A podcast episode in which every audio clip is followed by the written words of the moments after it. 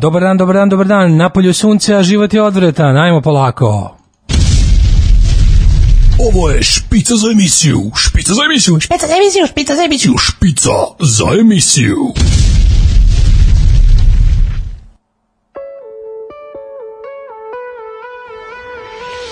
Yeah! Boga mi mislim da je ovo najteža emisija, odmah na početku kukanje, odmah na početku kukanje da završimo s time, mada imam neki utisak da će cijela emisija da bude kukačka jer se osjećam tako kao govno da se odavno nisam ovako jadno osjećao, pa što to ne bih podelio sa vama. Mislim ja sam uglavnom tu da e, kad se vi osjećate kao govno vas malo osokolim, danas morate boga mi vi mene, ali nešto mislim da je slaba fajda od toga.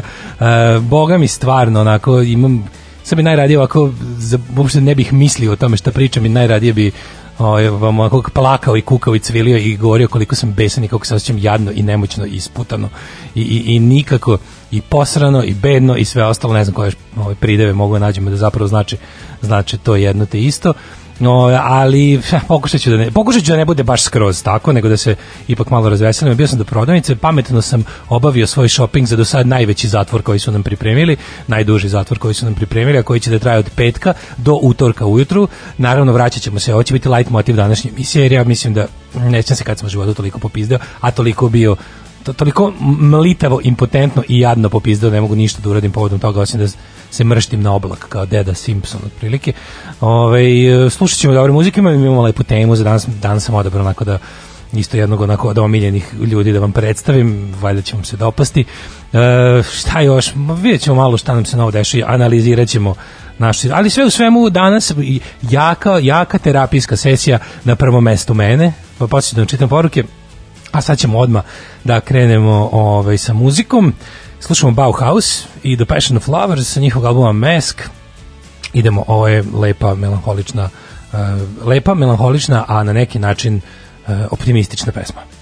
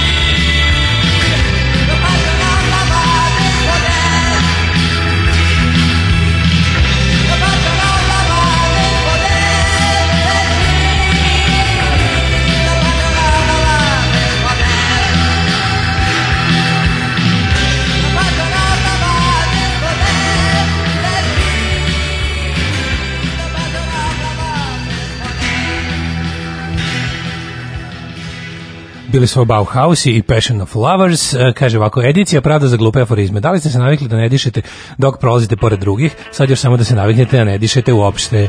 Da, ja, ovo, ja sam svoju staru, staru pravilo da ne dišem kada prolazim pored drugih kada, kada sam e, ranije u normalnom stanju diskriminatorno procenjivao ko izgleda kao da upravo dolazi sa basketa, ko izgleda kao da je upravo trčao, ko izgleda na ovaj ili onaj način kako bih rekao, ove, ar aromatično neprihvatljivo, onda bih zadržao vazduh, ali što najgore nisam to nekako uspeo da proširim na, na potencijalne nosioce virusa. Nisam u vanrednom stanju svoje ludilo proširio, a pošto, se niko, pošto mi niko u vanrednom stanju ne izgleda kao da se vraća sa basketa ili, ili sa džoginga, ovaj, zapravo dišem normalno pored svih ljudi. To jest, manje sam disao pored ljudi kad nije bilo vanredno stanje. Ali ovo u stvari dobar, dobar povod da se kaže nešto više o tome.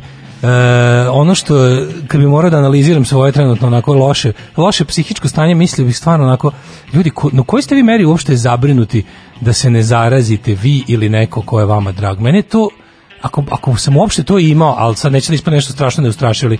Znači ja ni jednog jedinog momenta od kada ovo postoji, nisam se zabrinuo da ću ja biti, mislim, kako da kažem, ne bih volao da se to desi i, i učinio sam pa mere da se to ne desi, ali me to nikada nije ni malo uplašilo. Znači, onaj osjećaj koji bolest bi trebalo da izazove ili mogućnost da se razboliš nisam osetio ni jednom, ali osjećaj da me, da me država teroriše i da, i da, da jednostavno protiv sebe imamo ogromnu moćnu organizaciju izuzetno pokvarenih ljudi me ne napušta. Toliko da stvarno sam prvi put kod sebe danas na ulici primetio znake one klasične ludačke paranoje i ozbiljno sam se zabrinuo. One ludačke osjećaje da, da, da, su, da su svi srpska napredna stranka da svi rade za njih da, da je onaj tamo šta me onaj tamo gleda zašto ovaj ide za mnom a uopšte to nije tako. Nego jednostavno osjećaj koji u ti, kada u tišini kada ono tišini policijskog časa zalaju psi misliš kao a, evo je evo ih došli su onda se pitaš pa što bi došli šta sam uradio? I onda tako stalno znači to je toliko užasno nervira i to je tolika već presija. Jednog trenutka ne stigneš da pomisliš da to kao da se ovo sve radi zbog nekakve zarazne bolesti koja je za neke ljude može da bude fatalna. To, to je prosto neverovatno kako mi to nije ni na 56. mestu od ovog ostalog svega što mi se u glavi dešava i što je uopšte nekako situacija situacija društvena je takva da ne možeš i da stigneš da, da pomisliš na takve stvari. Ne znam da li i vi imate takav osjećaj, ako ne, u kojoj meri, ne u kojoj meri da, koliko je to kombinacija straha za zdravlje sebe ili ili svojih bližnjih, a koliko strahu toga da, da dugo, dugo ili možda više nikada nećemo živjeti čak ni u onolko slobodnom društvu koliko je pre bilo i, i užasno me nekako pritiskaju me ti osjećaj ono u isto vrijeme pojačanog optimizma jer tako sam valjda nabaždaren da mislim da nemoguće pa i drugi ljudi vide koje je ovo užas, ne može se ovako živjeti. Sigurno će se sada će ono čim se steknu bilo kakve uslovi, čim se pojavi neki mali povod, nešto, buknuće neka pobuda, nešto, a s druge strane pomislim kao pa ljudi sigurno ko zna možda i mogu za ove ovako da žive. I onda me taj ono nekakav ono roller coaster nade i kako dobro će se osjeća nade i strepnje me tako voza danima i danima i, i potpuno me iscrpljuje da, da ono kao sve to zajedno uopšte nije dobro. Osjećaš jednostavno kako ti je ono kako ti je kako si sav kao neki ne znam ni koji red da upotrebno kao onaj neki pa ne znam, kao neki zec koga, koga povremeno šokerom ovaj, onim električnim neko, neko, neko spiči, onaj užasan je osjećaj, užasno me to nervira i sve je bukvalno nekako mi je krivo, zato što uopšte nema nikakve veze ni sa virusom, ni sa epidemijom, nego jednostavno svi, svi, svi moji lo, lo, moje loše osjećanje kompletno potiče od toga što živim u Srbiji ono, u aprilu 2020. Kompletno, ništa, ništa drugo. Uh, kaže, ni meni frka od bolesti, već od smeštaja na sajmu. Još posebno u periodu kad su ga šupci iz kriznog štaba nazvali sajmištem. Uh, hrabrost nije odsustvo straha, nego delovanje uprkos. Da, to smo zaključili nekoliko puta i to treba uvek ovo imati na umu. Ove, kaže, tako je debeli, slažemo se potpuno što bi rekao doktor Kohn, budite besni na virus. Što, što bi ja kog penista bio besan na virus. Da, a, mene nije strah od zaraze koliko od nedostatka slobode i svog ovog ludila, užasno sam anksiozan, to je to anksioznost, pravi osjećaj. Znači, svi mi smo osjetili nekad i ranije u životu, ali sad je bačena bukvalno u maksimum. Znači, taj moment, jedino što još uvek ono je dobro što svi mi koji smo osjećamo taj osjećaj znamo da je to to. Znači, problem pravi nastaje kada jednostavno udovoljiš tom svom ludilu to i kada me kada pomislim da su svi oko mene da su svi trenerkaši agenti Aleksandra Vučića koji mi rade o glavi ja stvarno to pomislim i sramota me zbog toga ali ipak sam dovoljno pribran da u istom momentu kad mi se javi ta misao javi misao a kao smiri se budalo to niti je moguće niti je ono niti ima potrebe za tim Uh, kaže, što ne ideš u fucking hopu? Neuslovno je, to je ta moja bogateška vikendica na ovaj, prestižne lokacije letnja kuća u pravom smislu te reči. Znači, neophodno je da atmosfer, atmosferske prilike budu izuzetno milostive prema onima koji tamo borave da bi mogli tamo da borave. Još uvijek je ovaj, tamo pećina. Uh, kaže, dalje si tačan bez aškalije. Uh, jel kod Vučića ostao još koji ludak ili su svi prešli na našu stranu zbog zabrane kretanja na uskrs? Nijednom diktatoru nije bilo lakše da ispadne pametnije od glupog naroda. Da, to je glavni spin na kom sad mogu da igraju. O tome ćemo da pričamo posle još malo muzike koje ćemo sada da slušamo.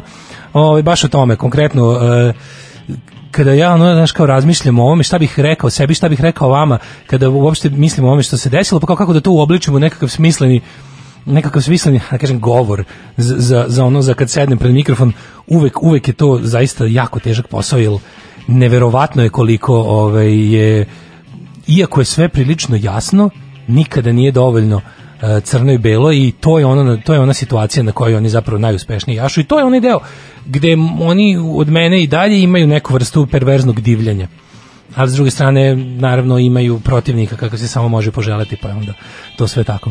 Ne razmišljam, odnosno nemam strah od virusa, ali sigurno društvo više neće biti isto, ali mislim da niko od nas neće prijaviti bolest ako simptomi budu ujele blaži od težeg gripa, sad kad smo videli šta nas čeka na sajmu i eto polovina bolesnih u stvari nije bolesna, genijalan Gebelsovski potez, e, pa kaže ovako, ovaj, e, Ko je bila ova pesma uh, pre nego što si se uključio? Ha, javili su mi da je Zoli veliki prijatelj, Zoli dalje ovaj, na Vele sajmu u Zagrebu, traži izlaz, ne može da nađe, ovaj, javio mi se, zamolio sam od velikog prijatelja auto DJ-a da pusti jednu nezvaničnih himni socijalnog rock'n'rolla, to je grupa Balkan i 10 kg neto, to smo slušali baš netom pre uključenja ovaj, mene, pokvario sam taj divan ovaj, auto DJ segment, A ovaj kaže da li to nagovešte da Zoli se oporavlja na sajmu?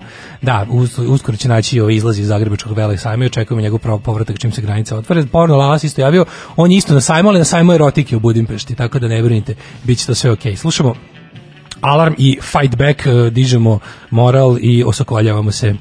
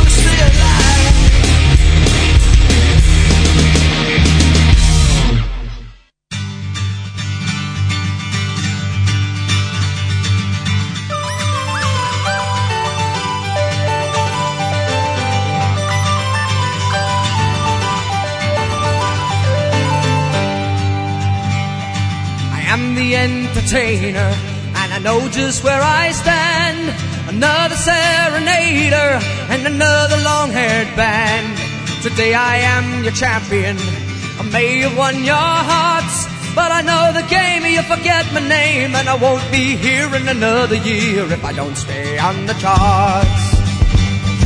Ooh. I am the entertainer, and I've had to pay my price. Things I did not know at first, I learned by doing twice. Ah, but still they come to haunt me. Still they want their say. So I've learned in my pants, and I rub my neck and I write 'em a check, and they go their merry way. Ooh. I am the entertainer, been all around the world. I played all kinds of palaces and laid all kinds of girls. I can't remember faces, I don't remember names. Ah, but what the hell, you know it's just as well, cause after a while and a thousand miles, it all becomes the same.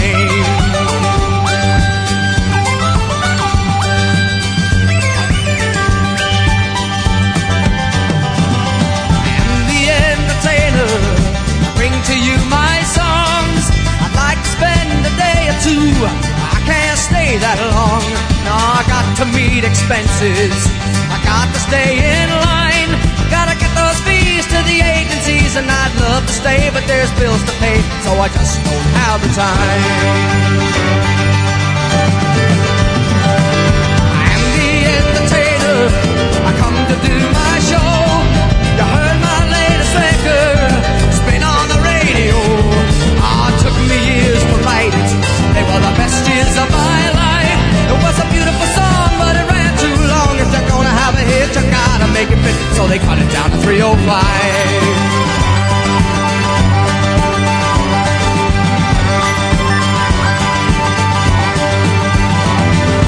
I'm the entertainer, the idol of my age.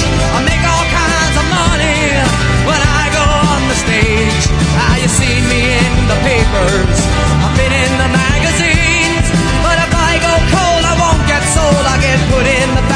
discount rack like another can of beans. I'm the entertainer, and I know just where I stand. Another serenader, and another long-haired band.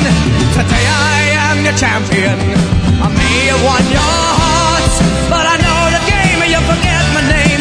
I won't be here in another year if I don't stay on the charts.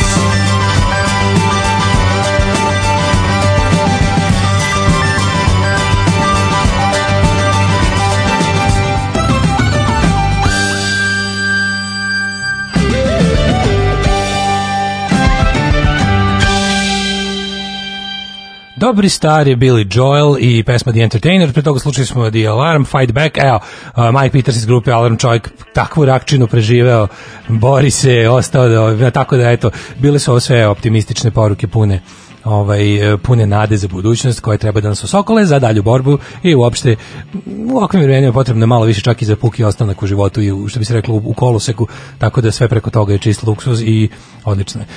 Um, kaže ovako, uh, Bog ti evo Daško kapa dole za poznavanje New Wave bendova. Nisi jedini koji tako razmišlja.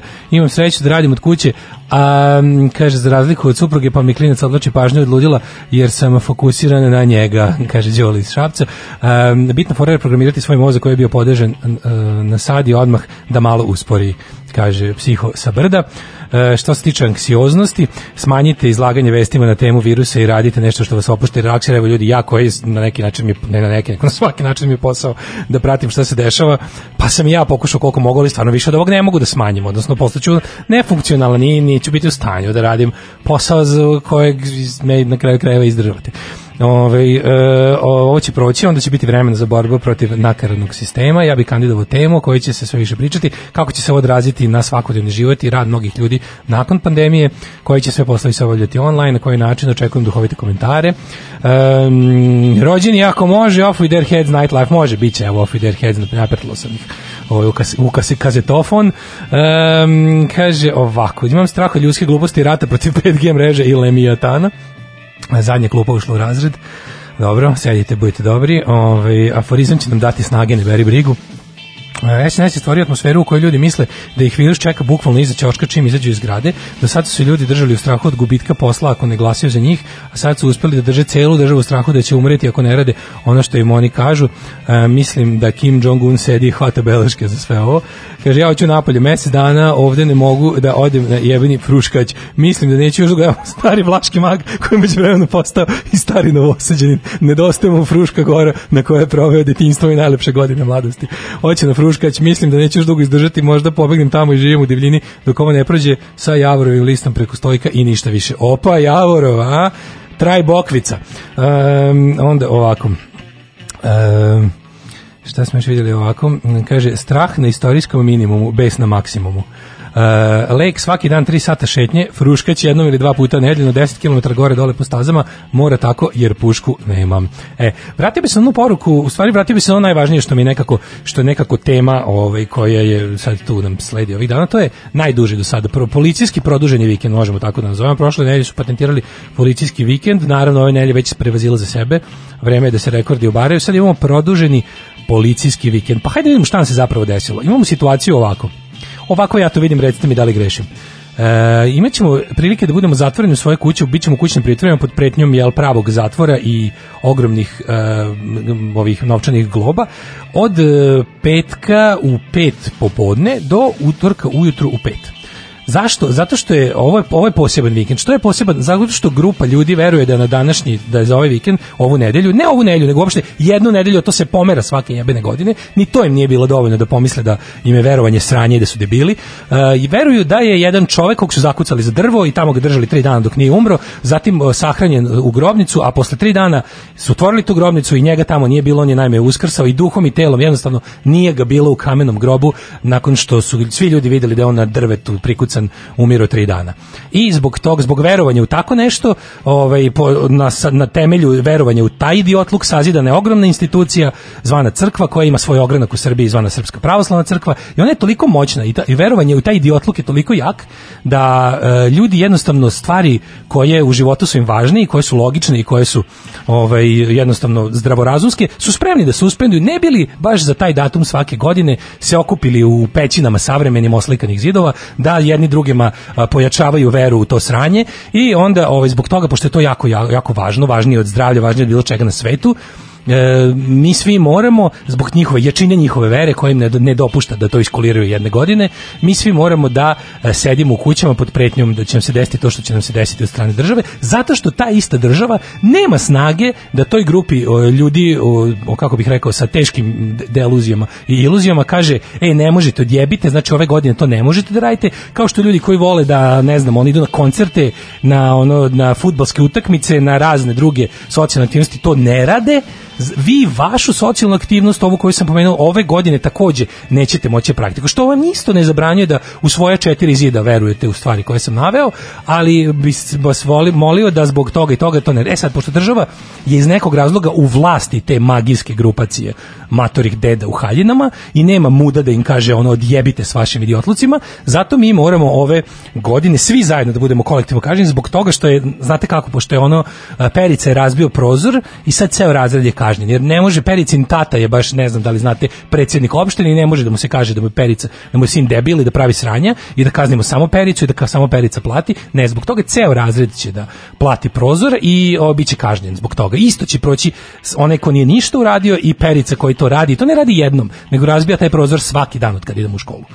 I sad je situacija da mi svi moramo da ovaj, budemo kako bi se reklo kažnjeni, ne možemo da mrdemo zato što je e, policiji koja to može to, a ne može da pred sve veće crkve i verske objekte jednostavno stane tog dana i kaže, izvinite, u danas u ovo nema ulaska, e, ne možete ovdje da budete, takođe ne možete da se okupite ni na livadi ispred toga, možete ali sa, da bude lufta između vas dva, mislim, nemam ništa protiv ako oni, posto, ako oni uspeju da nađu način da obave svoje rituale u skladu sa preporukama i pravilima koje važe za celo društvo, nemam ništa protiv da ih obave. Uopšte se ne radi o tome da ja hoću da oni prestanu da veruju u gluposti, nek veruju u još veće gluposti.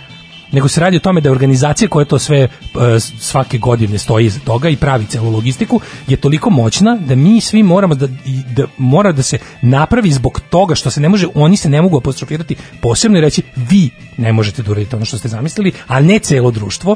Pokazali smo da imamo e, i te kako i načina i kako bih rekao i ljudstva i svega i volje što je najvažnije da sprovodimo policijsku državu do, do mere do koje god želimo Znači, neće mi niko, re, neće mi niko reći da u ovoj zemlji ima jednostavno previše fanatičnih vernika koji su ovaj, u fazonu da moraju da održe to svoje svake godine, da ne može da ih, da ih policijski i vojni aparat ove zemlje uspešno sprečuje. Drugo što će zaista vidjeti za vikend će biti kršenje toga, jer šta znamo? Znamo da ti koji ove godine jako insistiraju, sad moram da kažem nešto u odbranu ljudi koji su, ajde da ih nazovem, recimo ljudi čiste vere, čiste pravoslavne hrišćanske vere, ljudi koji zaista veruju u Isusa Hrista onako kako je prikazan u Bibliji, zaista su, znači, na prvom mjestu poklonici evanđelja Biblije, učenja iz Biblije. E sad, Problem u tome što pravo je pitanje koliko u Srpskoj pravoslavnoj crkvi i onom što se naziva njena pastva zapravo ima takvih ljudi. Koliko je to zapravo jedan kult Svetog Save, srednjevekovnih vladara, četništva, nacionalizma, travarstva i džidžobidžarstva, to je pravo pitanje. Koliko tu zapravo ljudi je došlo zbog verovanja u evanđelskog Isusa Hrista i njegova učenja? Koliko tu ljudi ne znam, ceni besedu na gori, koliko tu ljudi zna nešto o poreklu vere, doktrini vere i ostalih stvari, a koliko su zapravo, kako bih rekao, zapravo uh, ideološki, politički tu, zato što su nacionalisti na prvom mestu, pa im je onda u paketu uvaljeno i sve ovo ostalo. I pošto je to sad viđeno, vraćamo se na izvornu SMS poruku koja me podstakla na temu, pošto je sad sve to viđeno kao zapravo sada je taj desilo se da zbog ludaka poput Boška Obradovića i raznih klerofašističkih organizacija sada slavljenje tog uskrsa na taj način ove godine prikazano kao izuzetan antirežimski i prkosan čin a ne antizdravorazumski i, i jedan onako najobičniji nacionalistički pir koji za cilj ima, kao i sve ostalo što oni rade, da prikažu koliko su moćni u društvu.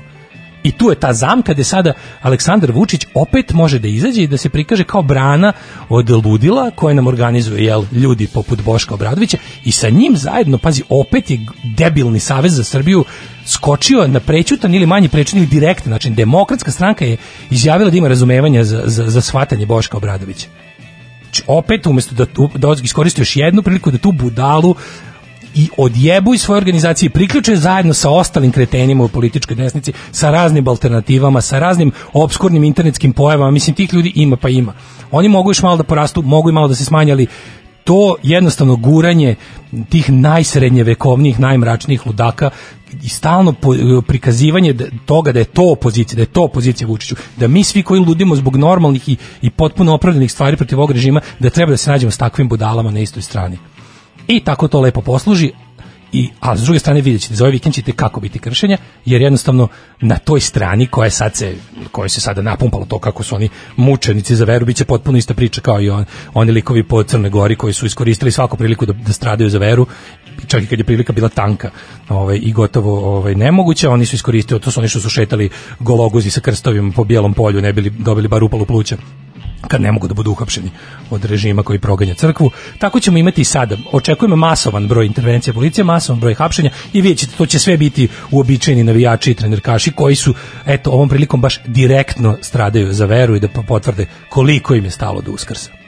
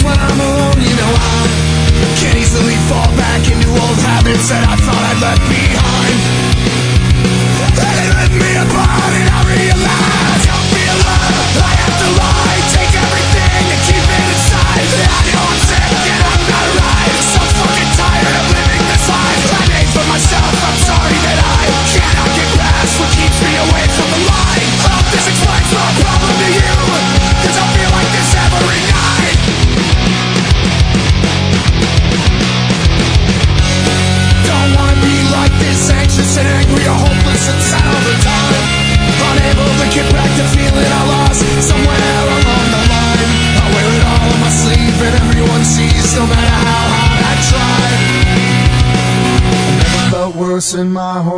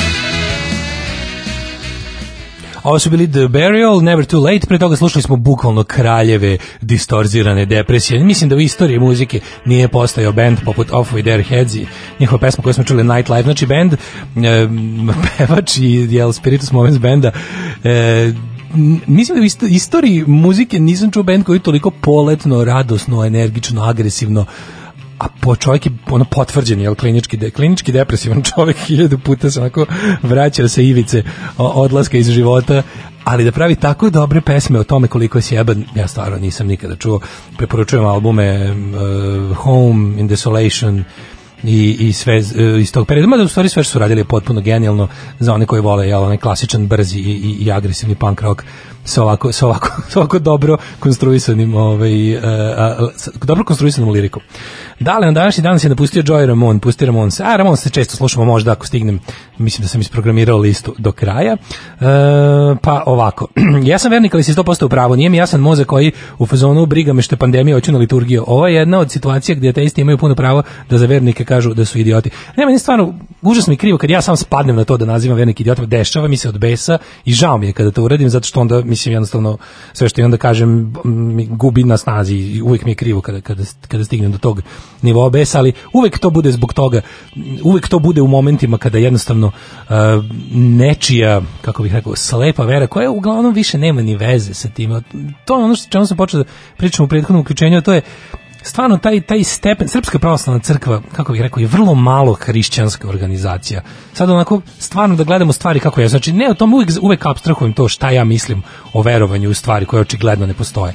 Ali ovaj način na koji je Srpska pravoslavna crkva ustrojena, njena istorijska uloga, ono što ona radi, mislim sve i da ne znam kakva bila zadnjih 30 godina Srpske pravoslavne crkve je čisto beščašće, čisti pokvarenjak, čisto srebroljublje, čisto sve ono što navodno oni su tu kao da, da rade protiv toga. Ako se, čak ono kažem, kad pokušaš da, da zaboriš, da uzmeš tog, recimo, kao Isus Hrista, kad mu oduzmeš to da je on, da ljudi veruju da je on Boži sin u isto vrijeme i Bog, da je to fizička manifestacija Boga koji je sam sebe pretvorio u čoveka i poslao na zemlju da bi ga ljudi mučili, ubili, ne bili on sam sebi oprostio za grehe ljudi koje je stvorio. Mislim, to je stvarno onako ti mozak isturi na uši od besmisla, ali je ovaj, cela stvar je cela stvar kada se zamislimo, ajde, kad krenemo od toga da eto, postoje taj, da kažemo da postoji Isus koji je to i to prepovedao, kada ga uzmeš kao neku političku, filozofsku, moralnog nekog političkog učitelja, ok, sad ti vidiš da to je jedan onako socijalista mazohista u principu jedan stvarno onako čovek sa levičarskim ubeđenjima jedino što je u to sve ubačena i dobra doza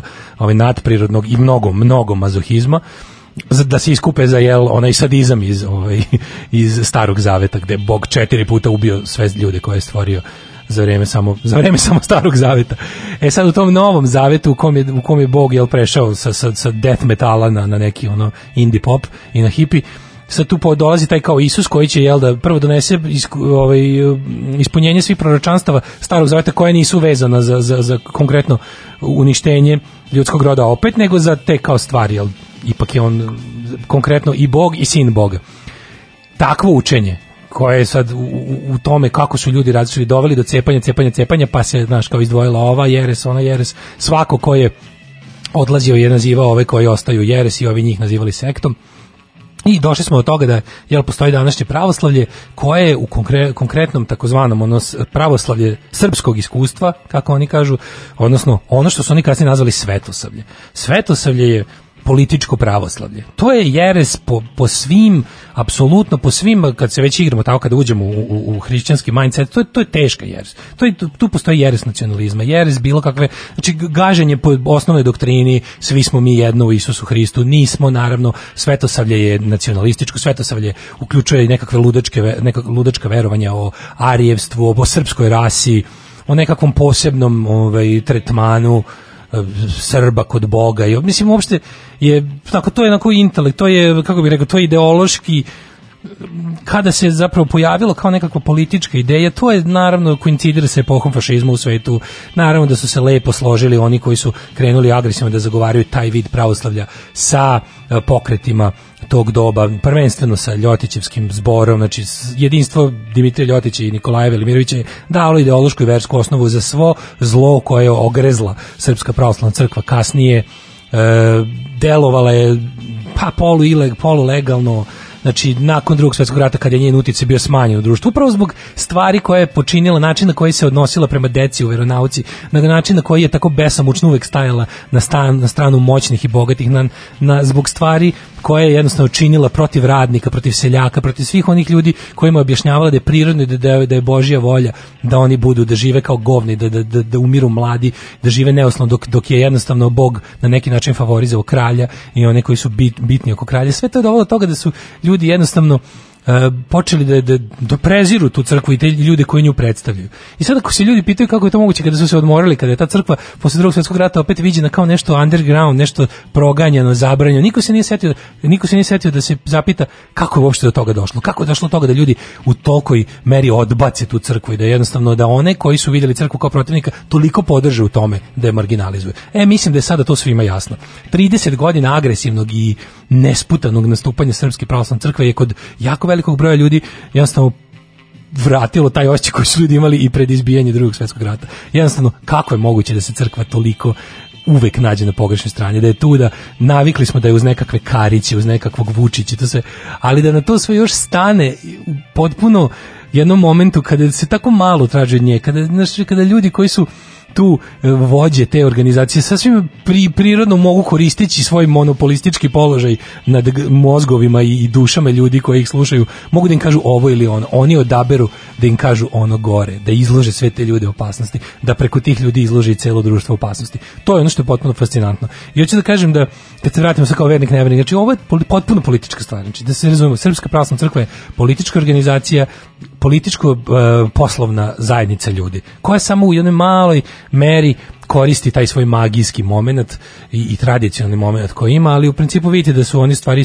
da kažem, stožer, tačka okupljanja jedna onako organizacija koja zapravo na prvo mesto okuplja ljude nacionaliste, ljude e, krupne kapitaliste koji u tome vide jel način da poboljšaju svoj ekonomski položaj. Tako da sve ovo insistiranje ti razni Boško Obradović i ti ti nekako kril, e, vladike sklone tim stvarima. Interesantno je da u momentu kada, kada Vučić jel, ono, im pod sobom sve, on zapravo e, krilo Srpske pravoslavne crkve koje je do, do kanonski na bilo koji drugi način lojalno patrijarhu Irineju, samim tim i Vučiću, sada ono kao naš su od strane jednog dela vernika viđeni kao izdajnici, s druge strane sa druge, sa druge strane postoje samo još mračniji predstavnici, sad ti svi raskoli koje poznavaoci prilike u SPC znaju dobro, da jednostavno ta crkva nikada nije bila ni blizu nikakvog jedinstva i da je tu bukvalno od eparhije do eparhije zavisi kakva je situacija i da su jako redki momenti u kojima je to bio čak i deklarativno nekakav jedinstveni stav. Um, kaže ovako, to se, to se sve radi zapravo zbog para. Kaže, što se izvinjavaš vernicima što su vidjeti? Mislim, meni je žao što jesu, ali nisi ti kriv. E, kaže, Daško, voliš Primus? Pitam onako, nije muzička želja. Ne volim Primus, cenim, cenim i razumem njihov doprinos muzici, ali ne, ne volim to da slušam. Um, kaže ovako, ali u razmenu za pravoslavlje pustio penzionere tri put nedeljno na po pola sata. Pa ovo je prava taločka kriza. Da, bukvalno, tako je to. Kaže, držiš malo pa vikend, nadam se da nećeš raditi u petak, imaš i ti dušu. Naravno da ću raditi u petak. Meni je krivo kada ne mogu da radim i mene, meni je porazno svaki put kada iz bilo kog razloga sam sprečen da dođem ovdje da radim jede me i ubija me to što radim sam, što nisam sa mladenom i što jednostavno je ono kao ovako sve naopako i užasno mi, užasno mi je ovo sve i svaki put kada na bilo koji način sam sprečen da, da napravim emisiju se osjećam kao da, kada sam izgubio. Um, kaže, što manje gledati velikog vođe da bi se sačuvalo ovo malog zdravog razuma i pusti nešto po svom izboru. Pozdrav za forističar mlađu. Ajde sad ćemo da pustimo nešto po mom izboru, to su Body Count i KKK bići, njihov čuveni ovaj, moment seksizmom protiv rasizma.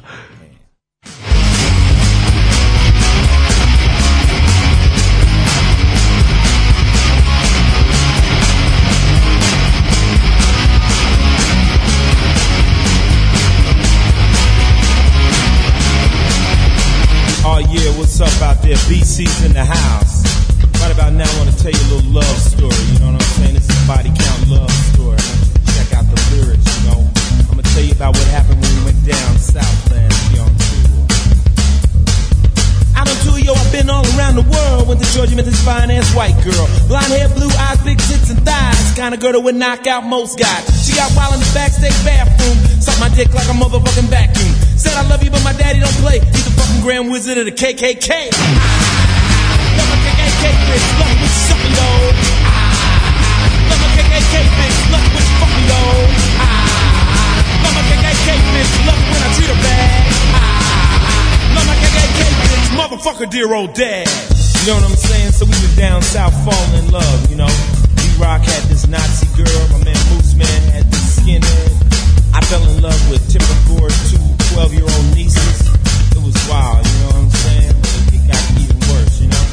So one night they took us to a meeting. White sheets, white hoods, no room for seating. There were skinheads, Nazis, and crazy talking about black people pushing up daisies. They had the blacks, Jews, Puerto Ricans, Mexican, Chinese, even the Indians. We had a hoods on, we was slick. She pushed her butt up hard against my dick. Then her daddy jumped on the stage, talking about killing in a goddamn rage. I got mad, my dick got hard. It in her ass shit, oh my god. My KKK bitch, it when she fuck me though. Love my KKK bitch, I love it when she suck me though. Love my KKK bitch, she love it when I treat her bad. Love my KKK bitch, motherfucker, dear old dad. So what we really trying to say is body count loves everybody. We love Mexican girls, black girls, Oriental girls. It really don't matter. If you from Mars and you got a pussy, we will fuck you. You know, that's all we saying. So every year when body count comes around, we throw orgy in every little southern town. KKK, skinhead, and Nazi girl breaking necks to get to the party. It ain't like they men can't nut. They just too little and they just can't fuck. So we get buck wild with the white freaks. We show them how to really work the white sheep. I know a daddy will really be after me when his grandson's named Little Ice T. Love my KKK bitch, love she fuck though. Love my KKK bitch, love it when she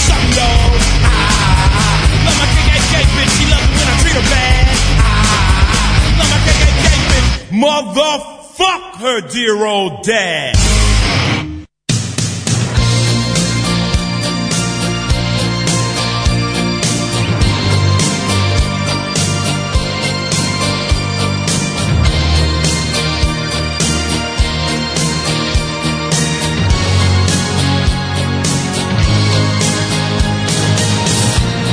When I'm with you, shake inside.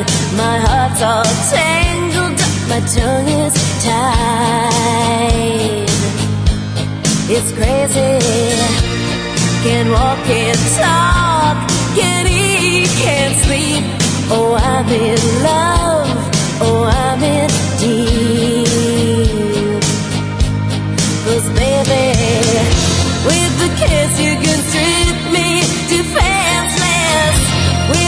With the touch I completely lose control.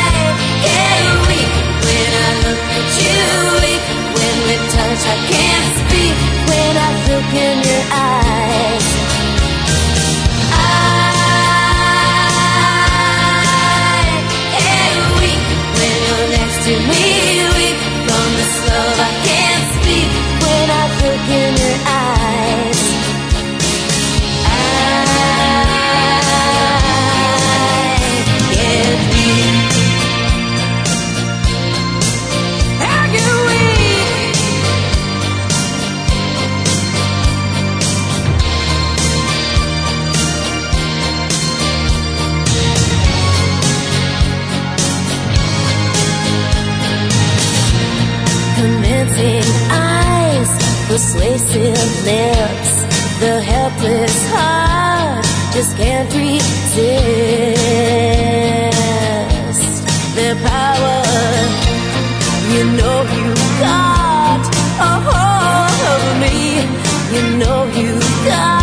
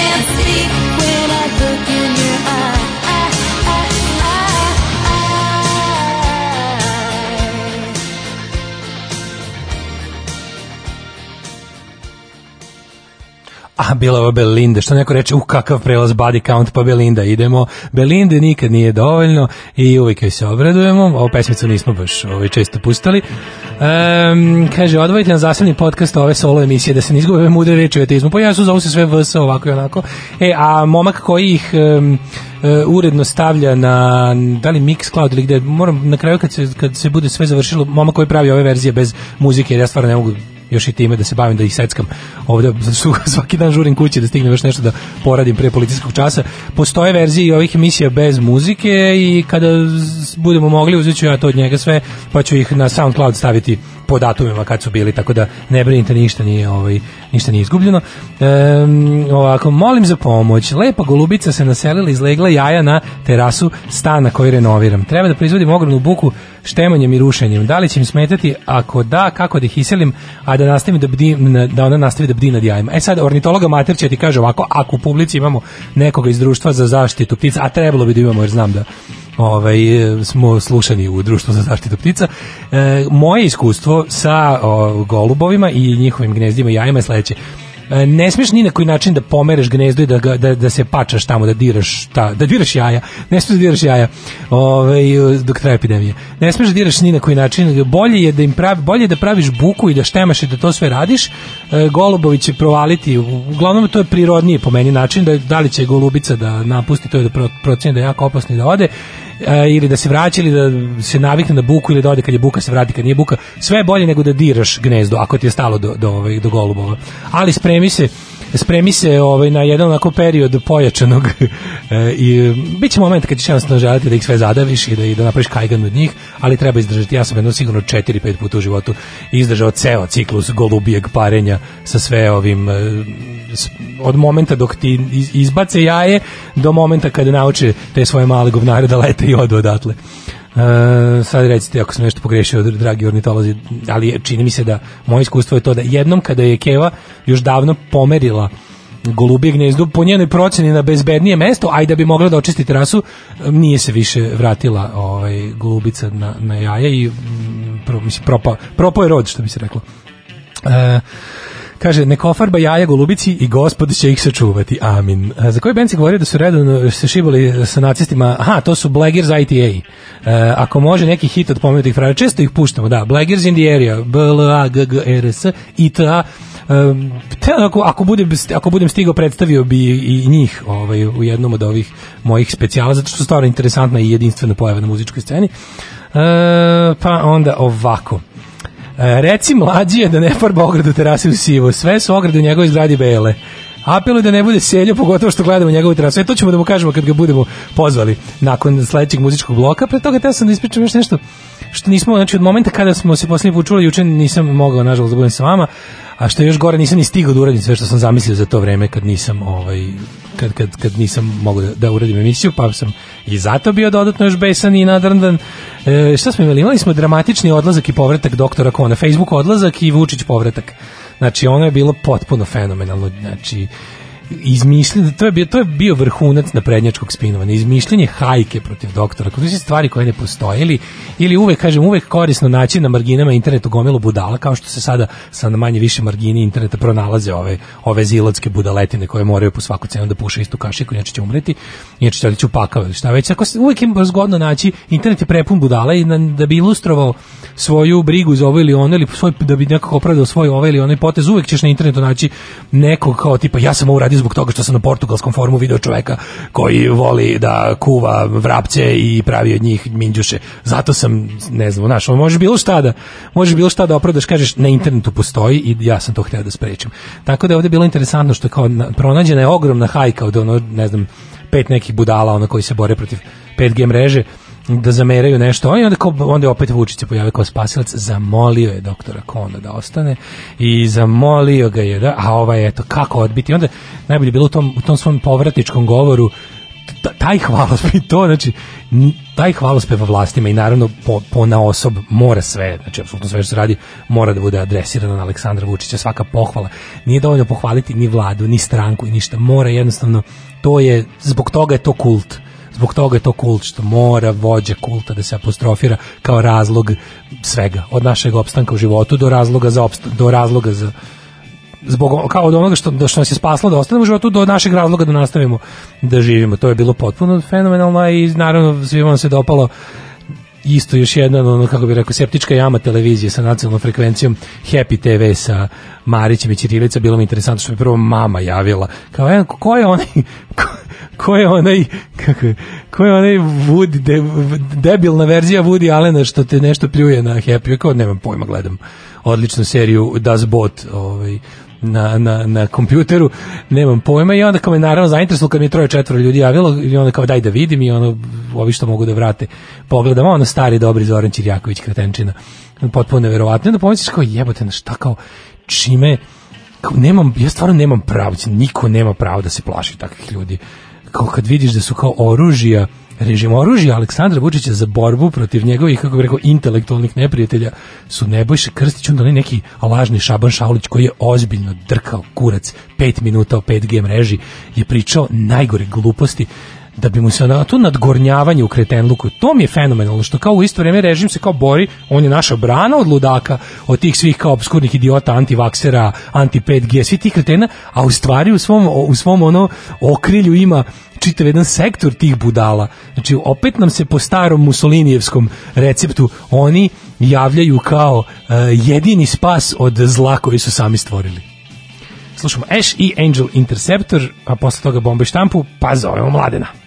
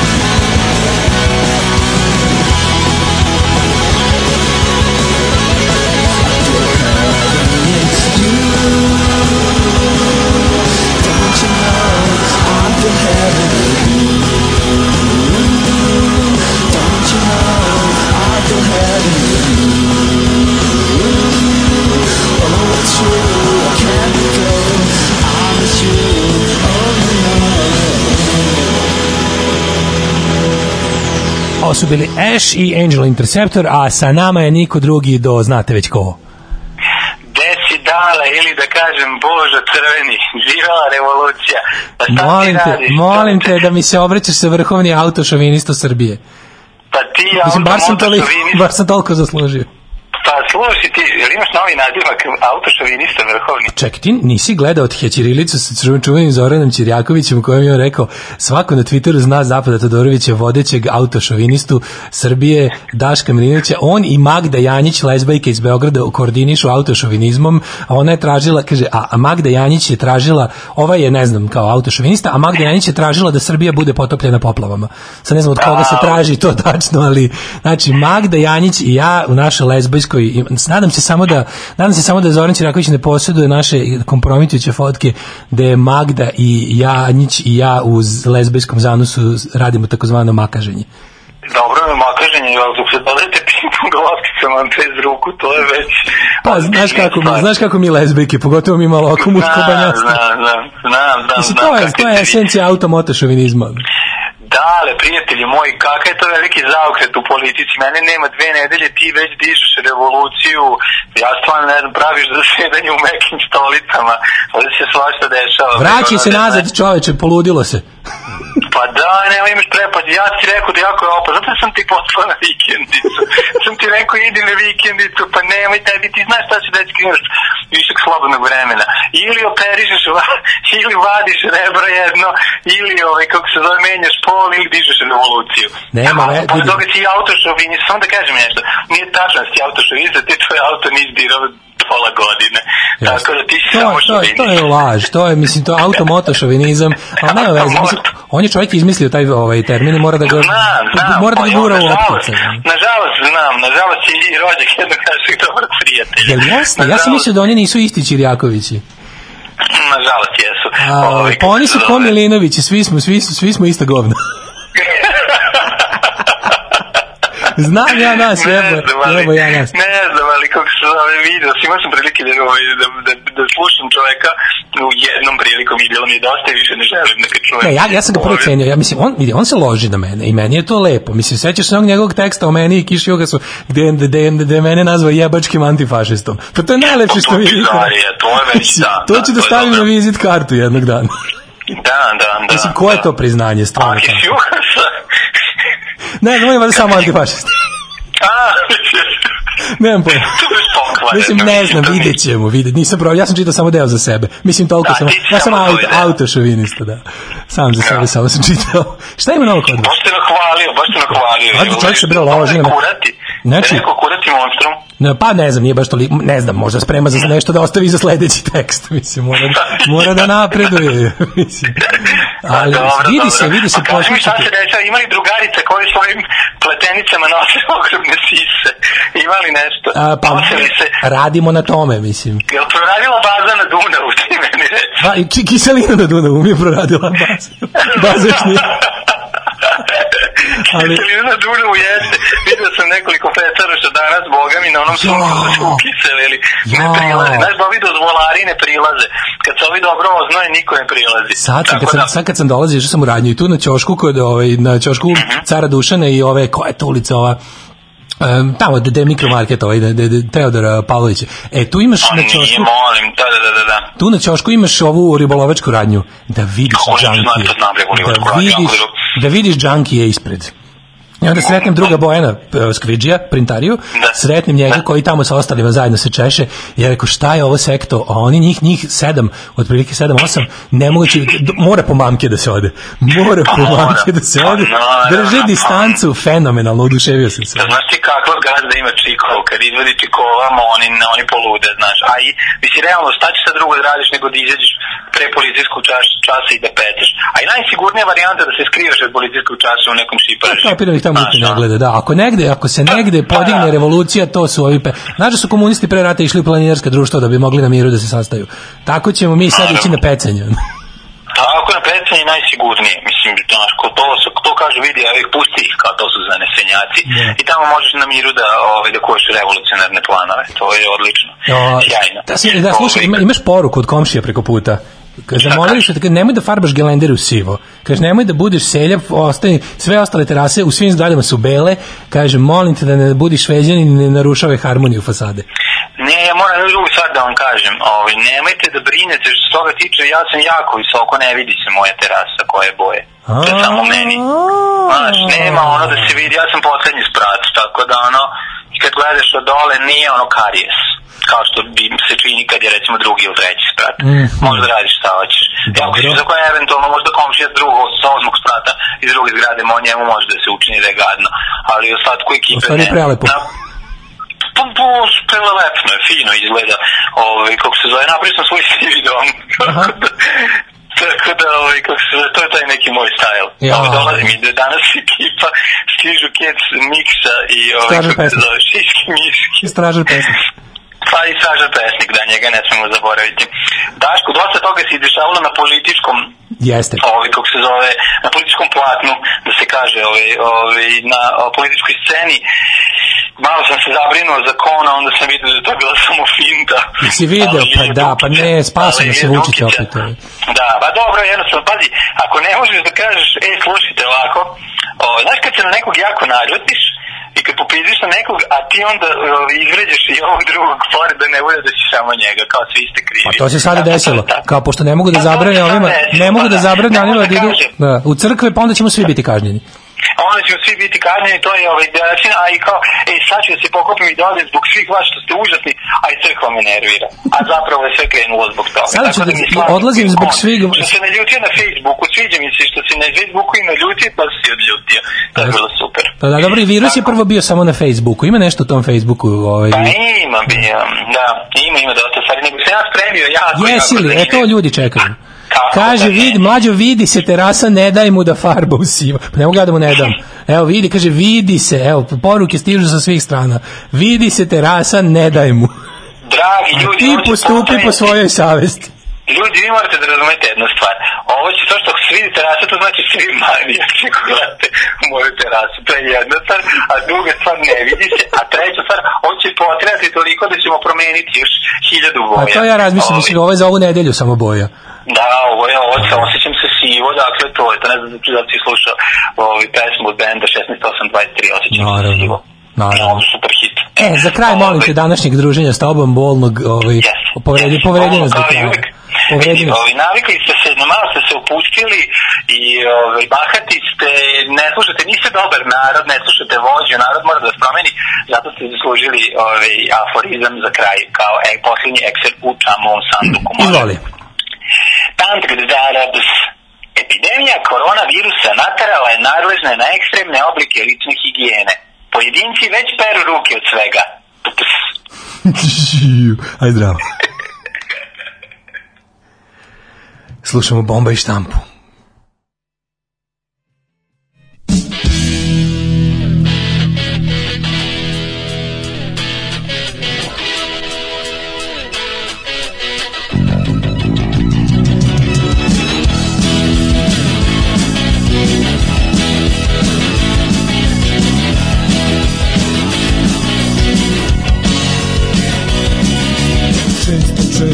Često poželim da sve napustim i sve zaboravim. I da odem negdje daleko, da ništa ne mislim i ništa ne radim. I da tebe ne gledam, često želim da se naselim Gdje dole oko Jamajke, da sve zaboravim i da se odmorim. Da ležim i da gledam Havajke. A kad dođeš da me povedeš Čućeš ovo od mene Uzalud pokušavaš Uzalud draga ja se više ničeg Starog ne sjećam Uzalud me podsjećaš Uzalud pokušavaš Uzalud draga ja se više ničeg Starog ne sjećam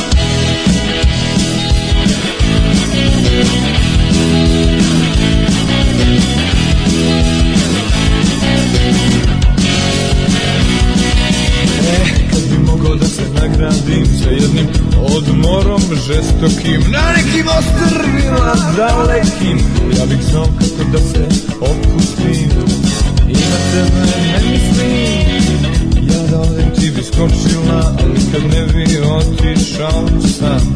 Voleo bih momčila. Što pjeva bom bom bom, neću ništa da znam Kad dođeš da me povede, čućeš ovo od mene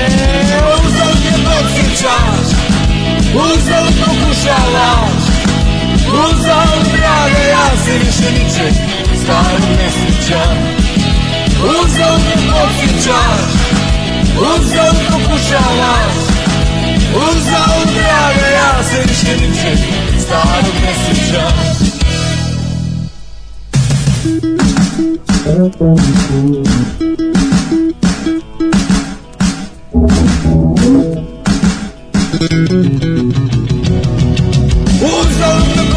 podsjećaš, uzal pokušavaš? Uzal draga, ja se više ničeg starog ne sjećam?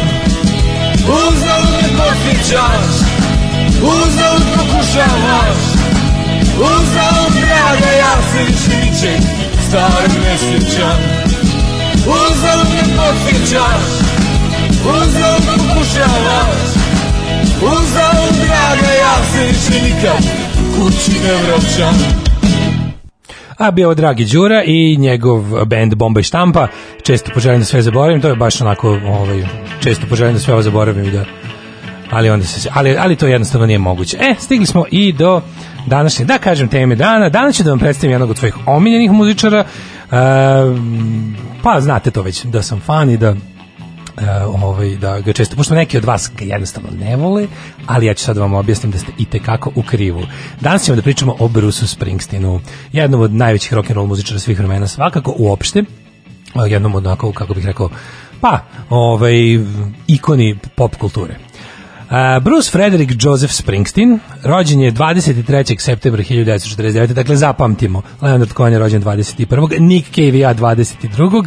I Bruce Springsteen 23. septembra 49. godine.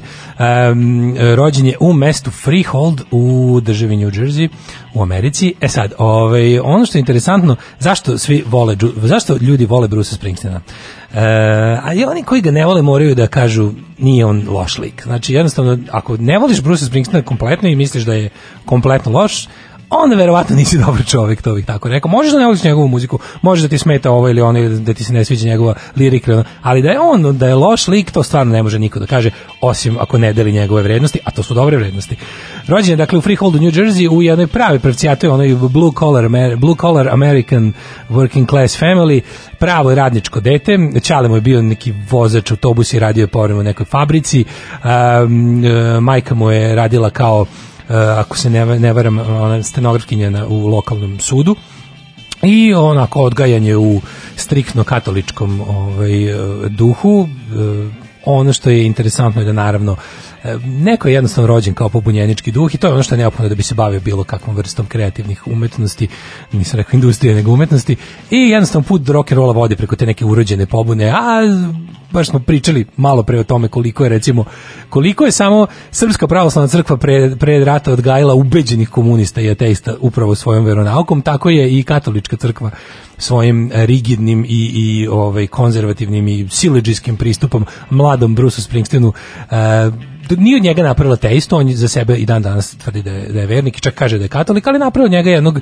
onako ovaj, čoveka koji ne podnosi autoritet, koji, koji ako je jeste ovaj, i dalje vernik on je ono što smo malo pre isto pričali više ovako sledbenik učenja Isusa Hrista onako kako je on predstavljen u evanđelju nego, nego ovaj nego poklonik tog magijskog dela religije. E, već u srednjoj školi je shvatio nešto da da neće puno u životu provesti ni u kancelariji, ni pogotovo u fabrici kao njegov otac ili kao njegov deda pre toga. De- Deda mu je inače interesantno, deda mu je ovaj, bio lik koji je mm, prodavao i popravljao radio aparate i to je u njegovoj e, autobiografiji e, Born to Run jako lepo opisano. Obožavao je svog dedu i volao jako je kod babi i dede koji su živjeli nedaleko od njih. E, u njihovoj samoj kući. S ocem se nikada nije slagao i otac mu je bio onako, pa ne može se da bio kao nekakav nasilnik, ali je bio prek čovjek i nikada, mladi Bruce nikada nije s njime ostvario nekako, nekako jako blisko, za majku je bio jako vezan i njegova keva onako već u njegovim ranim godinama videla da on ni- nije kao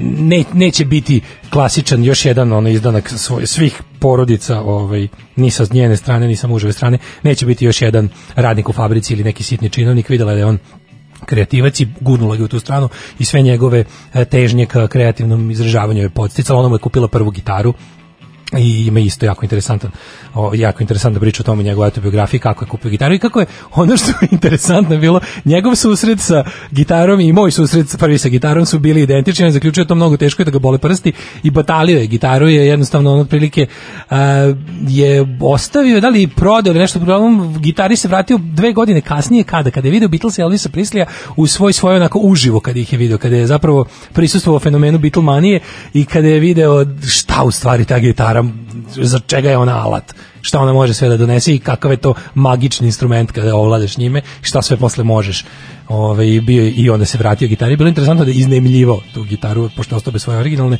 Prvo električnu gitaru je postale varijante da je u lokalnoj nekakvoj prodavnici ili zalagonici iznajmiš. E, e, sve to je bilo nedovoljno onda ponovo se obratio majci koja je od svoje skromne te činovičke plate odvojila ozbiljne pare da mu kupi pravu pravcijatu dobru gitaru i on je tu obećao majci da, da je ta gitara jako važna i da pare koje treba da mu da za to će se isplatiti. O, i tekako je bio u pravu. E, njegov prvi bend u kom je zasvirao zvao se The Castiles i ovaj, bili su onako pokušaj da, da, da zvuče kao bendovi tog vremena, kao Yardbirds, kao Beatlesi, kao Stonesi. On, taj bend je imao lokalnih nešto uspeha i stavio je mladom Brusu je pokazao kako funkcioniše lokalna ta rock scena tezgaroških bendova, šta su klubovi, šta su, kako izgleda uopšte sve to mreža tih promotera, u to vreme je to tako izgledalo kako jeste, ovaj, dosta, dosta primitivno i dosta je sve onako ličilo na ono što je danas, kako je danas recimo ta uradi sam punk scena, tako je tad izgledala celokupna pop rock scena u malom mestu u provinciji, e, iz Freeholda je sve više vremena, iz tog, pošto taj Freehold pogledao sam na, na, na Google ovaj, Maps dosta ovako baš teški zaseok. Preselio se u nešto veći Asbury Park e, gde je sa svojim prijateljima već počeo faktički da samostalno ovaj, živi, ajde kažem skvotira neko mesto, da manje više su i živeli u klubovima u kojima su nastupali, bilo je to onako energično doba um, i hipijevsko i sve živo i e, u to vreme je onako jedno, jedno razuzdano doba. Interesantno je bilo da recimo Bruce Springsteen e, kad je shvatio kako je biti u rock and roll bandu jako dobro, kako je to ima neograničen pristup curama, e, nikada nije bio, nikada nije prihvatio ni jedan drugi, kako bih rekao, ne poručni deo rock and rolla, e, nije pio alkohol, nije pušio, nije, nije se drogirao ni na koji način, nije ga to uopšte zanimalo, on je bio jednostavno rešen da se bavi muzikom i tu je već postao onako priličan fanatik, smo posle počeo redovno da piše pesme, postao jako samokritičan, pesme je nenormalnom brzinom i izbacivao iz sebe, a zatim bi ih izbacivao u korpus za đubre ukoliko ne bude zadovoljan, bio onako baš svoj najjači kritičar.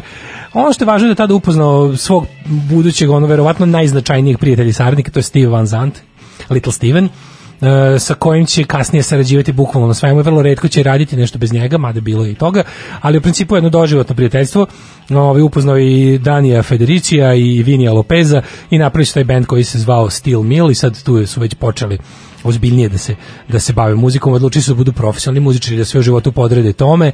Uh, užasno interesantna epizoda kada su jednostavno shvatili da u svom malom mestu u New Jersey ne mogu da urade više nego da moraju da odu u Kaliforniju. I sad taj moment kako oni sa prerađenim, prebuđenim kamionom, jednom od njih, e, koji je ga uspeo da ga nabavi sa svim što imaju u životu, svojom opremom, svojim nekakvim pojačalima, gitarama i ličnim stvarima, kreću da voze preko kompletne kompletnih Sjedinjenih američkih država, a jedan deo puta vozi i lično Bruce, Bruce Springsteen koji niti ima vozačku dozvolu, niti zapravo zna da vozi, nego drugi upali auto, ubaci mu brzinu istera ga na autoput i stavi njega za volan. Ovaj verovali ne stigli su živi kao što znamo.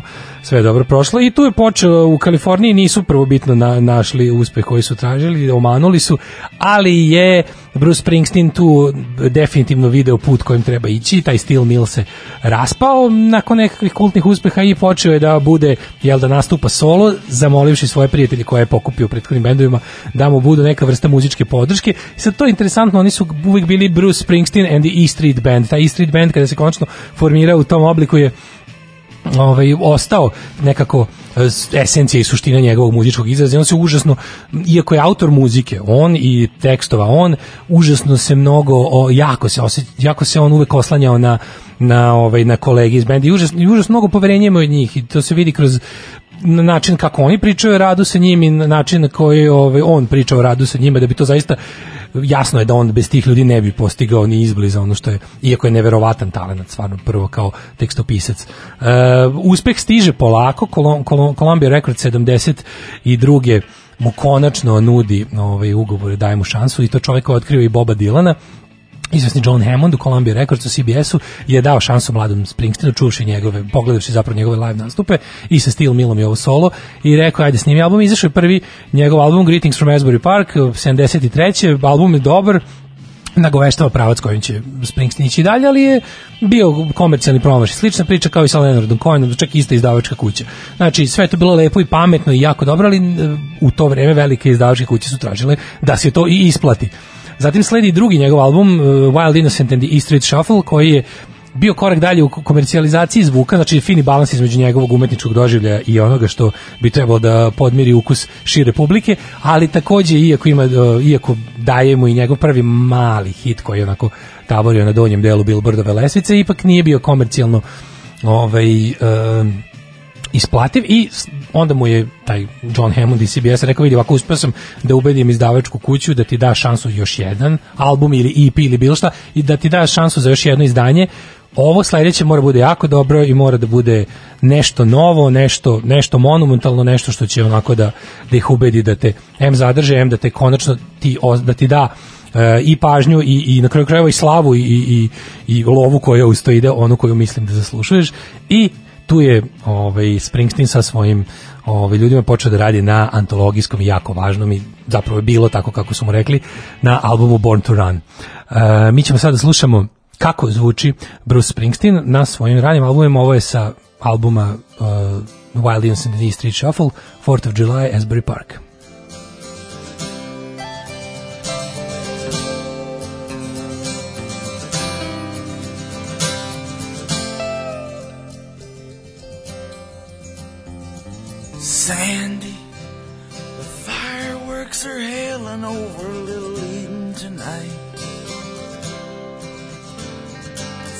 Forcing a light into all those stony faces left stranded on this warm July.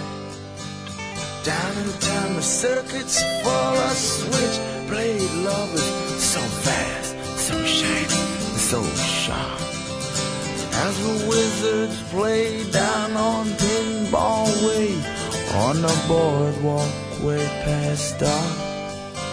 And the boys from the casino dance with their shirts open like Latin lovers on the shore. Chasing all them silly New York virgins by the score. Sandy,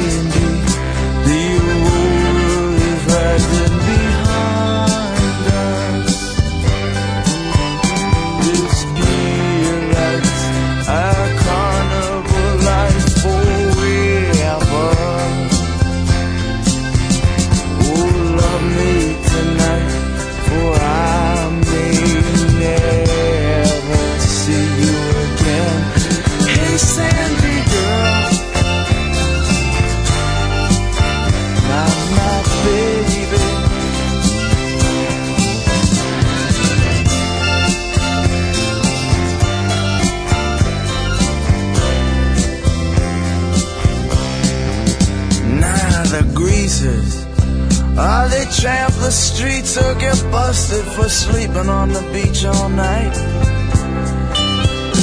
Them boys in their high heels, ah, Sandy, their skins are so white.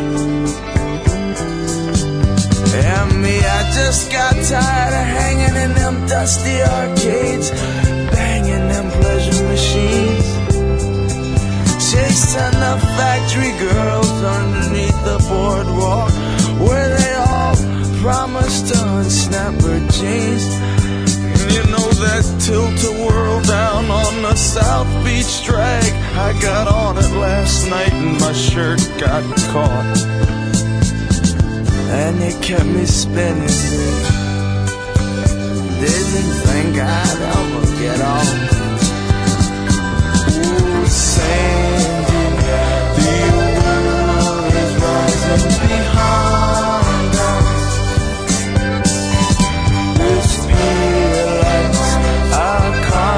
for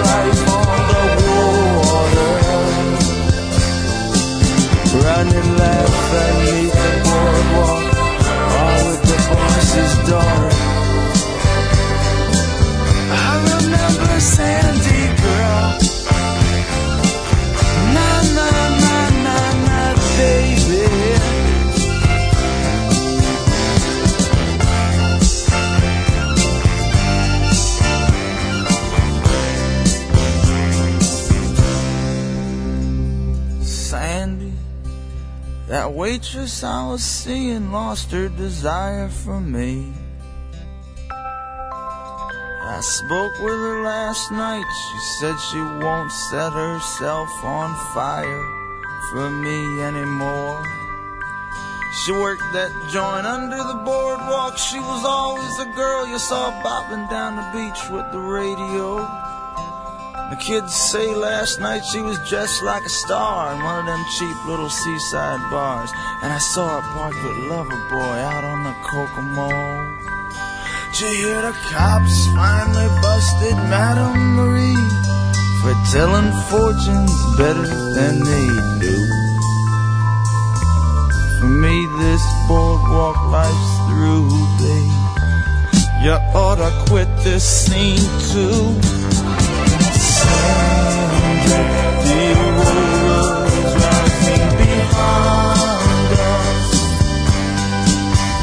This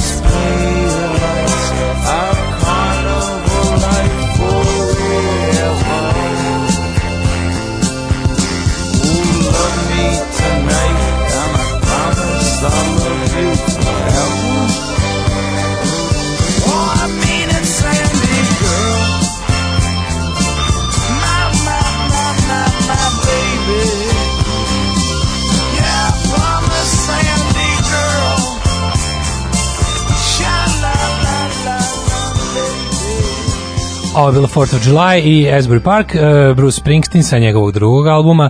E, znači, dolazimo do jednostavno uh, momenta kada Bruce Springsteen postaje prava mega rock zvezda, to je album Born to Run, prepun hitova kao što su Born to Run, Thunder Road, She's the One, um, Jungle Land, to su apsolutno album koji od početka do kraja vozi uh, fenomenalni uticaj svega što je uh, u tom trenutku u rock and rollu bilo uh, na raspolaganju i počinje njegov onako počinje njegov uspon, odnosno ljudi su shvatili s kakvim uh, van serijski talentovnim čovekom uh, imaju posla i nakon uh, tog albuma počinje ono znači interesovanje velike uh, rock and roll muzičke štampe i medije za njega. Radio počinje da pušta njegove pesme ozbiljno takozvani heavy rotation časopisi poput Rolling Stone i ostalih ga stavljaju na naslovne strane počinje njegova velika slava, sledi albumi Darkness on the Edge of Town, gde samo potvrđuje, znači nastavlja recept sa, sa Born to Run, ali ga još dalje produbljuje. Super što je Bruce Springsteen je uvijek bio lik koji je jako volio muziku i jako je uh, uvijek bio spreman da prihvati nešto novo, ali recept otprilike kada bi muzički samo gledali, recept njegovog uspeha je bilo um, odlično kombinovanje uh, rock and rolla i soul uticaja. Znači ta kombinacija između uh, kombinacija koja nastaje tu na nekoj toj n- zemlji između rock and rolla i sola, a to je prvenstveno zahvaljujući tome što je kako on uh, kaže i u pesme, inače uvek to priča kada kada ovaj govori o receptu za uspeh i momentu kada je shvatio kako ima kada je shvatio da ima jako dobar bend koji može sve da postigne. Je moment kada se bendu pridružio Clarence Clemons jedan ogromni crni saksofonista koji je stvarno bio nadimak mu je bio big man. Uh, sa, mislim svako koga ikad video jasno zašto je to čovjek on koji je jedan, jedan džinovski zoki od čovjeka sa, koji bukvalno jede saksofon i on je tom Street bandu udahnuo taj tu komponentu koja je falila da se to jednostavno ako ovaj zacementira i zašećeri kako treba. E, sledi album River, dvostruki njegov album za koji je snimio 60 pesama, koji dan danas po raznim box setovima i e, nekakvim kolekcijama stvari koje nisu stigle da upadnu na album e, figuriraju po, po tržištu i reizdaju se, izdaju se ono što je stvarno fenomenalno kada poslušaš bilo koji e, Springsteenov album vidiš da tu nema ono kao to je all killer no filler nema. Jednostavno sve pesme su s razlogom tu gde su. Njegov proces odabi, odabira pesama je užasno striktan. E, tako da čak i pesma koja se smatra nekakvim što ono što se kaže outtakeom ili nekakvom probom demom nečim što možda nije ni bila završena ideja je toliko dobra da bi svaki drugi muzičar to stavio kao A1 na svoj album. E, kod Springsteena to nije prolazilo njegove rigorozne ovaj, quality kontrole. E, nakon toga znači nakon te najveće posle River i to stadionske turneje ogromna slava i bogatstvo Springsteen jednostavno prvi put u životu e, shvata da e, ta njegova potraga za, i za uspehom i za uspehom, prvo muzičkim uspehom, uspehom u rock and rollu, da se ostvari način na koji je želeo. Nije njemu nikada taj monetarni moment bio važan, ali naravno da je stigao i da je on jednostavno čovjek je milioner, tada već počeo da biva. E, ali je osetio ono što, ono kako on to naziva prokletstvo Springsteenovih tu je prvi put video da u toj sreći i, i uspehu osjeća neku prazninu i, i da to je nešto jednostavno, tada još nije znao šta je to, kasnije će se ispostaviti da je poput svoga oca isto depresivan i to ima ozbiljan problem sa depresijom ceo život, samo što je to tada je prvi put to stigao da primeti. Ovaj, e, stigao da, da potražio prvi put tada jel, i, i pomoć jer je bilo čudno da toliko dobro mu sve ide u životu, a da on osjeća, da se on sve teže i teže osjeća. Ono što je jako interesantno da on, primjer, za razliku od mnogih rock and roll likova u tom trenutku nije posegnuo ni za alkoholom, ni za drogama, čovjek je ostao ono kao počeo, počeo da što kaže počeo je da pije jer mu su se dopali nekakvi ono viski, vodke ili, ili, ili pivo, ali nikad nije otišao dalje od toga, eto do dana današnjeg nije nije taj neki ono poročan lik nikada bio.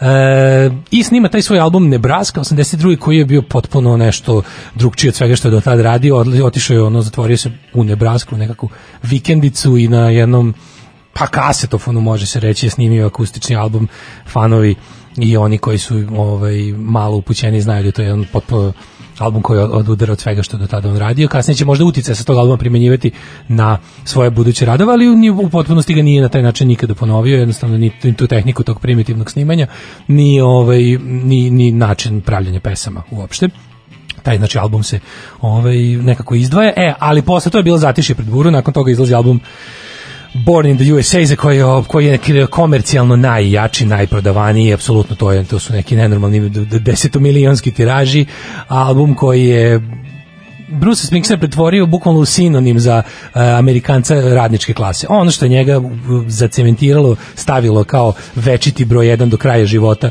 na taj tron američke rock and roll muzike američk, američkog radnog čoveka i s, s pravom, ali opet kako on kaže, ne s punim pravom zato što on jeste dete radničke klase, on je pravo radničko dete, njegov put do uspeha jeste na neki način ostvarenje američkog uh, sna u onako kako ga propagiraju jer ljudi koji su izmislili termin američki san, ali opet s druge strane on je i prepun naličja američkog sna i napravio zapravo je svoju e, celu liriku i, i koncepciju svog rada bazirao na kritici toga svega, iako bez, naravno bez rezervne vere u Američku republiku, ali isto vrijeme je on, on je trubadur radnika, on je pesnik e, jednostavno lju, običnih ljudi tu u tome se nalazi njegova privlačnost. A kako je skoro rekao na svojim nastupima koje je radio pre dve godine, onako udarnički, jedno 50 i nešto koncerta live on Broadway u maloj, relativno maloj sali, je radio te nastupe koji su posle snimljeni na fenomenalnom Netflixovom specijalu Springsteen live on Broadway, gde on izvodi te svoje pesme onako u jednoj akustičnoj verziji, samo uz pomoć svoje supruge, e, jedino, e, ali između pesama su te interesantne priče, gde on kaže kako je on zapravo jedan vrhunski prevarant, nikad u životu nije radio u fabrici, nikad u životu nije ono popravlja automobile, ne zna, kada otvori haubu, ne zna u šta gleda, nikada nije video fabriku, ali kao ja o tome je pevao ceo život, tako da ovaj, kao zahvalio se publici što mu je omogućila da bude na taj način uspešan, da peva zapravo stvarima koje je više ovako genetski osjećao nego što ih je zapravo radio u životu. E, sada slušamo sa albuma Born to Run pesmu She's the One, pa ćemo se vratiti nakon nje da zaključimo priču o Bruce Springsteenu i današnju emisiju šta radi Springsteen ovih dana i šta možemo još da očekujemo od njega, a možemo.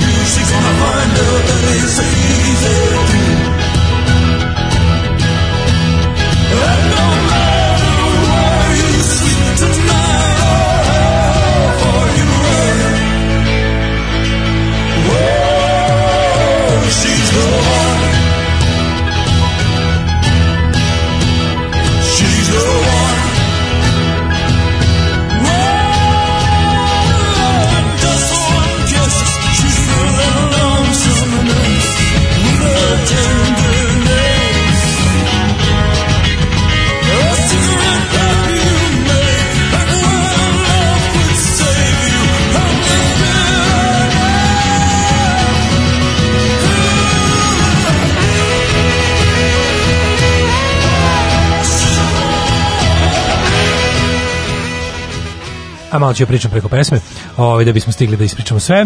E, dakle, 80. su ostavili Bruce Springsteen onako e, kao jednu mega rock and roll zvezdu, m, gu- desetine svetskih turneja. Ono što je interesantno, e, uvijek je našo vremena da nekako ovaj, se obrati svojoj publici, uvijek je našo vremena da se pozabavi tim svim stvarima koje ga onako privatno tište. Njegova politička angažovanost nikad nije ono, dovedena u pitanje.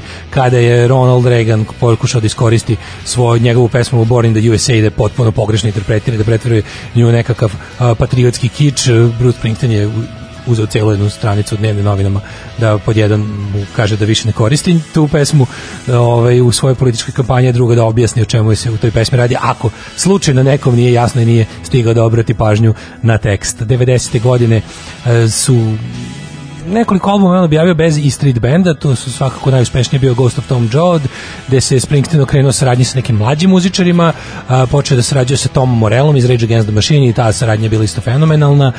Tamo negde krajem 20. veka, odnosno početkom 2000-ih, Springsteen opet se, ovaj, em, kako bih rekao, pa ne može se kaže da da je napravio neki reunion, jer oni nikada nisu ni prestali da budu u nekom kontaktu, ali ponovo je okupio i street band u onom e, klasičnom smislu i e, napravio neke pesme koje dosta podsjećaju od albuma Magic pa nadalje napravio pesme koje dosta podsjećaju na ranog Springsteena, na Springsteena iz perioda um, ovo kojeg sada slušamo, to je Born to Run i Darkness on the Edge of Town, sledi albumi Magic, Working on a Dream, Wrecking Ball, koji su stvarno svi prvo izašli u jako kratkom vremenskom razmaku jedan od drugoga, svi su potpuno ovaj, e, fenomenalni, e, mogu da stoje onako rame uz rame sa, ovaj, sa tim albumima iz, iz, iz ovog, da kažemo, klasičnog perioda.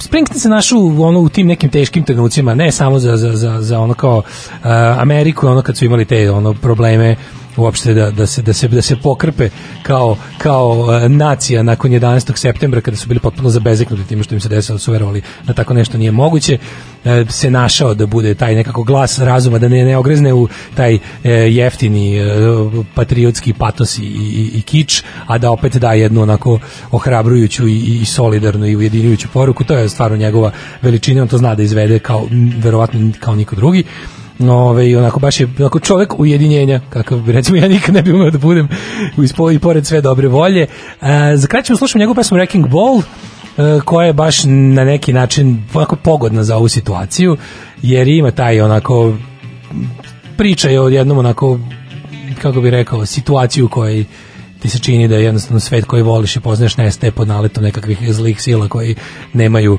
ono što nazivamo dušu, ali na kraju se kao i sve ostale Springsteenove pesme ipak pretvara u neku vrstu optimističnog pa skoro i bojnog pokliča.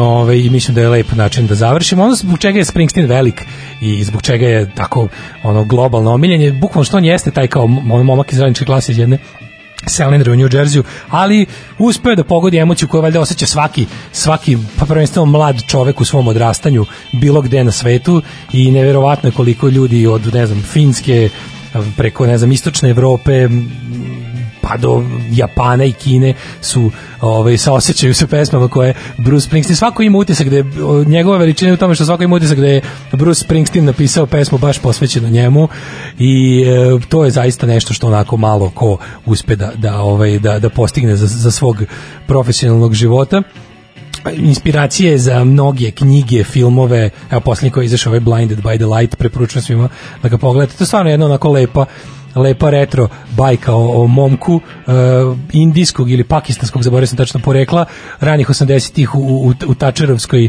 Velikoj Britaniji, koji bukvalno ono svoj jadni i, i ono raspadnuti život uspeva da jednostavno uh, nekako oboji i, i vrati na pravi kolosek uz, uz pomoć pesama Bruce Springsteena. Tako da preporučujem pogledati film Blinded by the Light, igrani film je, onako baš je heavy Springsteenovski, to je bukvalno ono sve što film čini tim filmom i da slušate ploče Bruce mi se čujemo sutra, slušamo Wrecking Ball. I was raised out of steel-haired swamps of Jersey some misty years ago. Through the mud and the beer, the blood and the cheers, I seen champions come and go. So if you got the guts, mister, if you got the balls, you think it's your time, then step to the line and bring on your wrecking ball. Bring on your wrecking ball. Bring on your wrecking ball.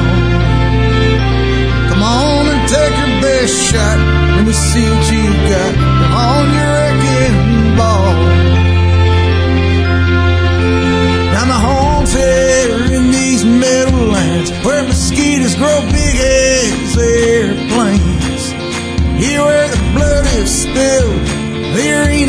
filled, giants play games. So raise up your glasses, let me hear your voices call. 'Cause tonight all the dead are here, so bring on your wrecking ball, bring on your wrecking ball, bring on your wrecking